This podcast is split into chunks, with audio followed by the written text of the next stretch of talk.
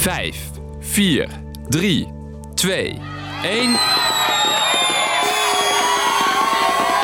Gelukkig nieuwjaar, het is nu officieel 2024. Dat betekent misschien wel dat je allerlei goede voornemens hebt. Nu echt starten met sporten, iets minder uitgeven aan nieuwe kleren, een maandje niet drinken. Ja, dat is allemaal leuk en aardig, maar je bent lang niet de enige met goede voornemens. De politiek heeft ze ook. En die gaan ze niet nog een dagje of een weekje uitstellen. Per 1 januari gelden er allerlei nieuwe wetten en regels waar ook jij wat van gaat merken. Vooral in je portemonnee. Ik ben Dennis en ik leg je uit welke dingen er voor jou veranderen in 2024. Lang verhaal kort. Een podcast van NOS op 3 en 3FM. Oké, laten we het jaar even positief beginnen voor wie werkt voor het minimumloon. Dat gaat namelijk omhoog naar 13 euro en 27 cent bruto per uur.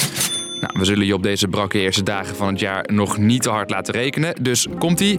Werk je 40 uur per week, dan krijg je straks bijna 270 euro meer per maand. En dat het minimumloon stijgt, betekent trouwens ook dat sommige uitkeringen stijgen, zoals de AOW en de ziektewet. De belastingen worden ook aangepakt in het nieuwe jaar. Het demissionaire kabinet past bepaalde tarieven en kortingen aan, wat er vooral bij lagere inkomens voor zorgt dat ze erop vooruit gaan. Dan hebben we het in sommige gevallen over een paar honderd euro. Voor ZZP'ers met een lager inkomen geldt ook dat ze iets minder belasting hoeven te betalen. Veel verdieners juist wat meer. Nou, huizen dan. Eerste huurders. Heb je een boevige huisbaas, omdat hij je bijvoorbeeld te veel laat betalen, je intimideert of zijn zaakjes niet op orde heeft? Daarover klagen wordt wat makkelijker. Elke gemeente moet vanaf nu een meldpunt hebben voor klachten over foute verhuurders. En dan voor de kopers, of in ieder geval de mensen die dat in 2024 willen.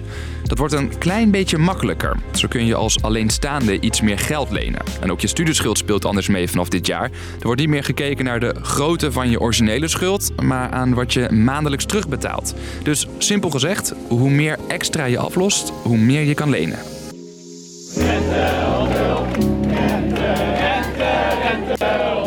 Oké, als we het dan toch over die studieschuld hebben, ja, de rente. Ja, ik ben heel boos. Die gaat flink omhoog, zelfs vijf keer over de kop. Heb je een studieschuld van zeg 30k, dan ben je in een jaar tijd bijna 800 piek aan rente kwijt. Daar zijn, zoals je kunt begrijpen, een hoop mensen niet blij mee. Nou, nog eentje in de categorie wonen dan. Je energierekening. Door de hoge kosten hadden we een tijdje een prijsplafond. Dat zijn maximumtarieven voor gas en elektriciteit.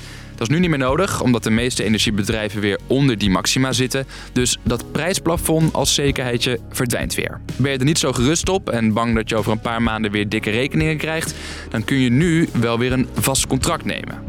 Dan gaan we nog even naar je gezondheid. Dat is een populaire voor de goede voornemens. Als je de jouwe nog even wil uitstellen met een biertje en een peukie, ben je namelijk weer wat duurder uit. Je rekent straks zo'n 11 euro af voor een pakje sigaretten en een kratje pils wordt 50 cent duurder. En vapen met een smaakje, dat is zo 2023. Aardbei, karamel, banaan, mag allemaal niet meer. Alleen nog maar vapes met een tabaksmaak zijn straks toegestaan. En wie gehecht is aan zijn cola, havermelk of fruitsapjes, mag ook wat dieper in de portemonnee graaien. De belasting daarop gaat van 9 naar 26 cent.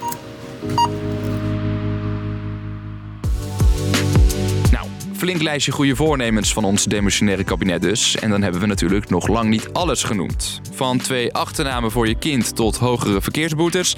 En van meer Nederlandse series tot een gedoogbeleid voor wegwerpbekers. 2024 wordt hoe dan ook een tikkie anders. Op nos.nl vind je een hele lijst. Kun nog even rustig nalezen of het voor jou nou beter of slechter wordt.